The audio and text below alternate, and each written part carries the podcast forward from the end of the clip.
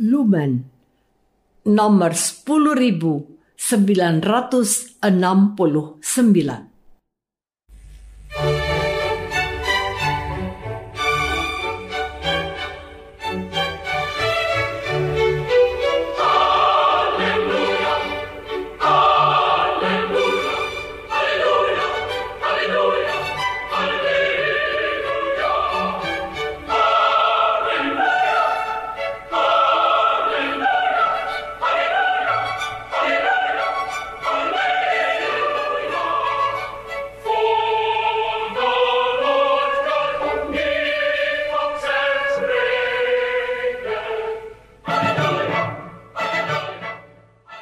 Saudara pendengar di segenap penjuru tanah air, selamat bergabung dengan Lumen Indonesia.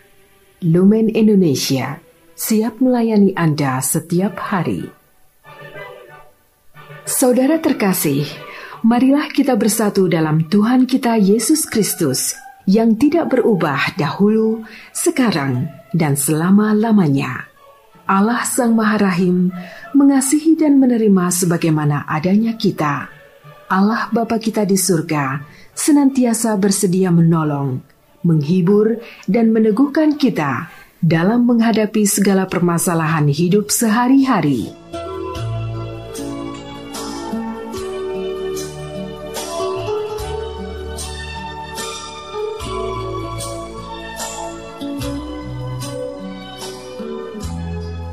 Saudara-saudari, marilah kita mendengarkan renungan dengan judul Kewajiban Umat Beriman.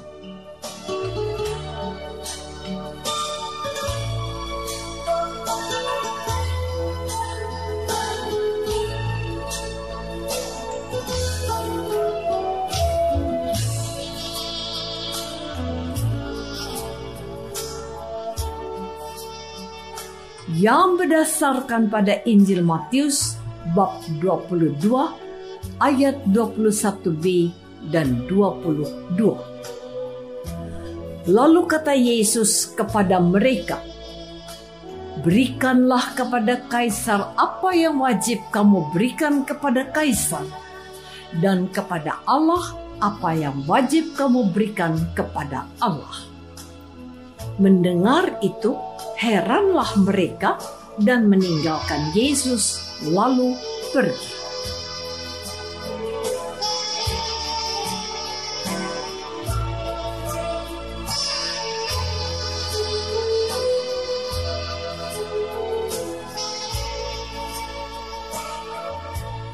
Dalam nama Bapa dan Putra dan Roh Kudus. Amin. Saudara-saudari terkasih dalam nama Tuhan Yesus Kristus. Hari ini adalah hari paling bersejarah yang mampu mengubah nasib sebagai bangsa. Sebab pada hari ini kita semua memperingati hari ulang tahun kemerdekaan Republik Indonesia yang ke-77. Gereja Katolik Indonesia memilih bacaan Injil yang khusus berbicara tentang kewajiban umat beriman. Diceritakan bahwa orang Farisi menyuruh murid mereka dan orang Herodian bertanya kepada Yesus, "Apakah diperbolehkan membayar pajak kepada kaisar atau tidak?" Yesus yang mengetahui kejahatan hati mereka berkata, Mengapa kamu mencobai aku? Hai orang munafik, tunjukkanlah kepadaku mata uang untuk pajak itu. Mereka membawa suatu dinar kepadanya. Maka Yesus bertanya kepada mereka, "Gambar dan tulisan siapakah ini?" Jawab mereka, gambar dan tulisan kaisar.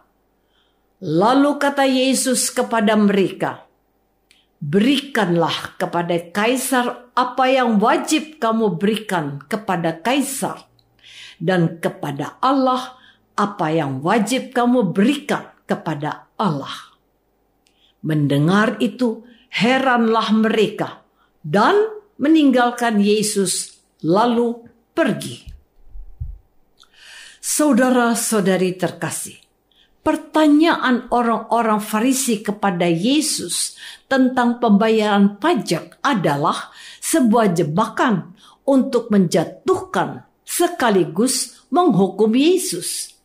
Jika Yesus menjawab bahwa orang-orang hanya boleh membayar kewajiban umat Israel kepada Allah, maka Yesus dianggap tidak menghormati kaisar yang saat itu menjadi penguasa bangsa Romawi dan penguasa bangsa-bangsa yang dijajah Romawi termasuk bangsa Israel.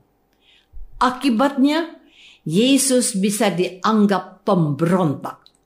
Seorang pemberontak pasti akan mendapatkan hukuman yang setimpal.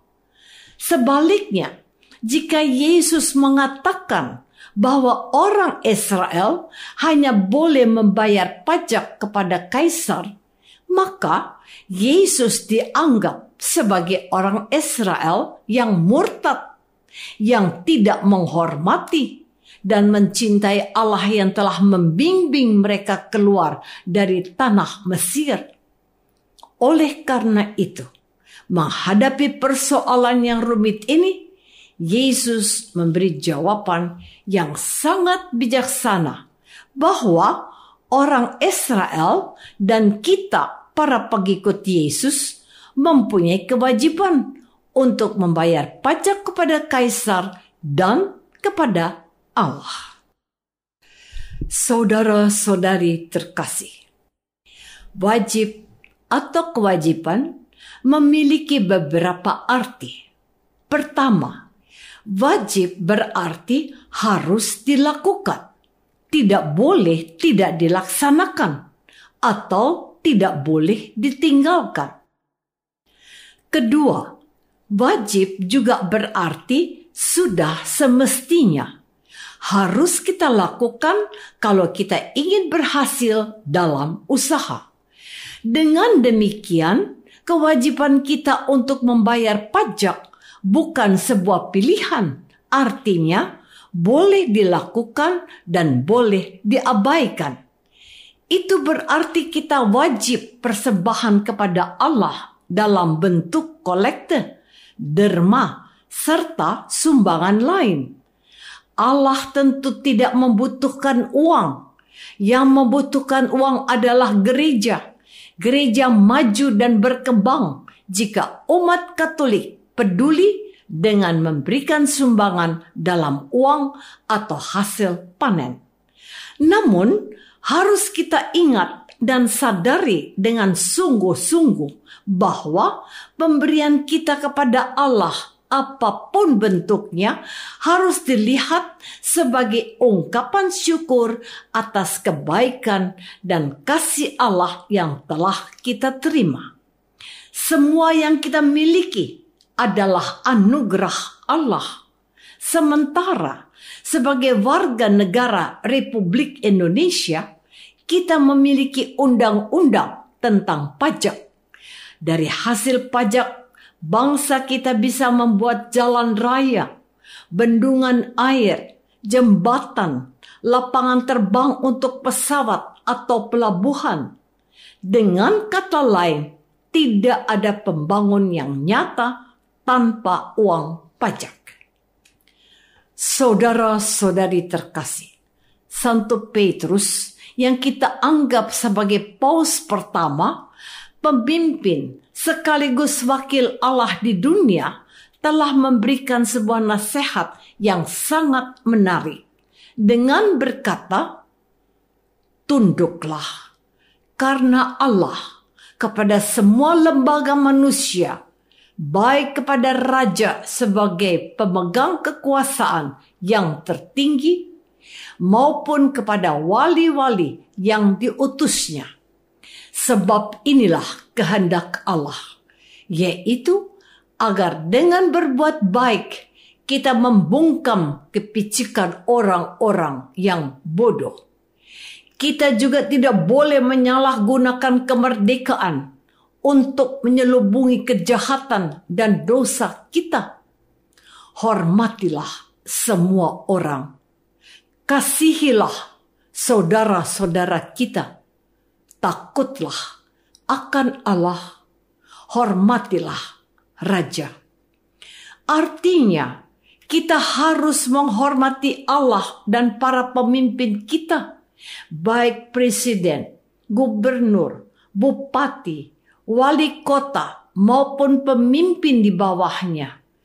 Kita menghormati mereka karena Allah, dan jika mereka jahat, kita wajib mendoakan para pemimpin agar menjadi baik, sebab jika para pemimpin baik, maka hidup kita akan jadi baik.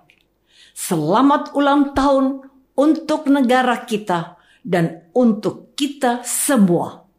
Jayalah bangsaku dan jayalah gerejaku.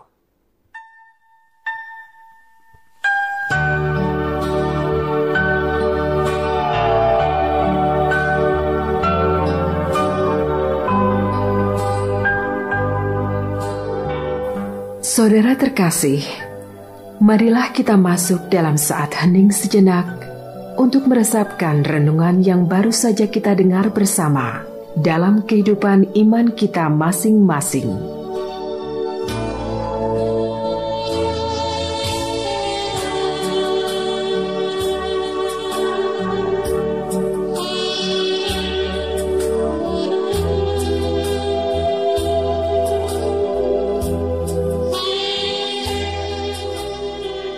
apakah kita sudah menjalankan kewajiban kita kepada Allah dengan berderma atau kolektor dan kepada negara dengan membayar pajak? Marilah kita berdoa. Tuhan Yesus Kristus, Engkau bersabda, berikanlah pada kaisar apa yang wajib kamu berikan kepada kaisar dan kepada Allah apa yang wajib kamu berikan kepada Allah.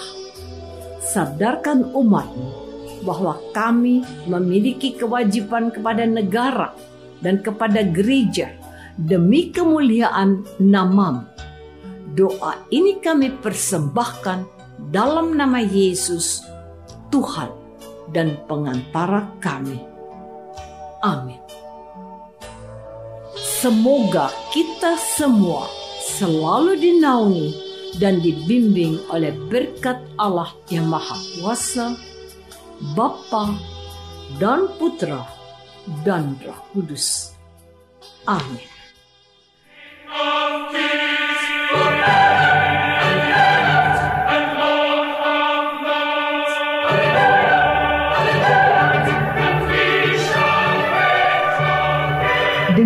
kasih dan sukacita, Lumen Indonesia mengundang saudara-saudara seiman di segenap penjuru tanah air.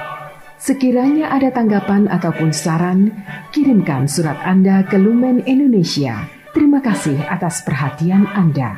Sampai berjumpa lagi dengan Lumen Indonesia pada waktu dan gelombang yang sama esok hari.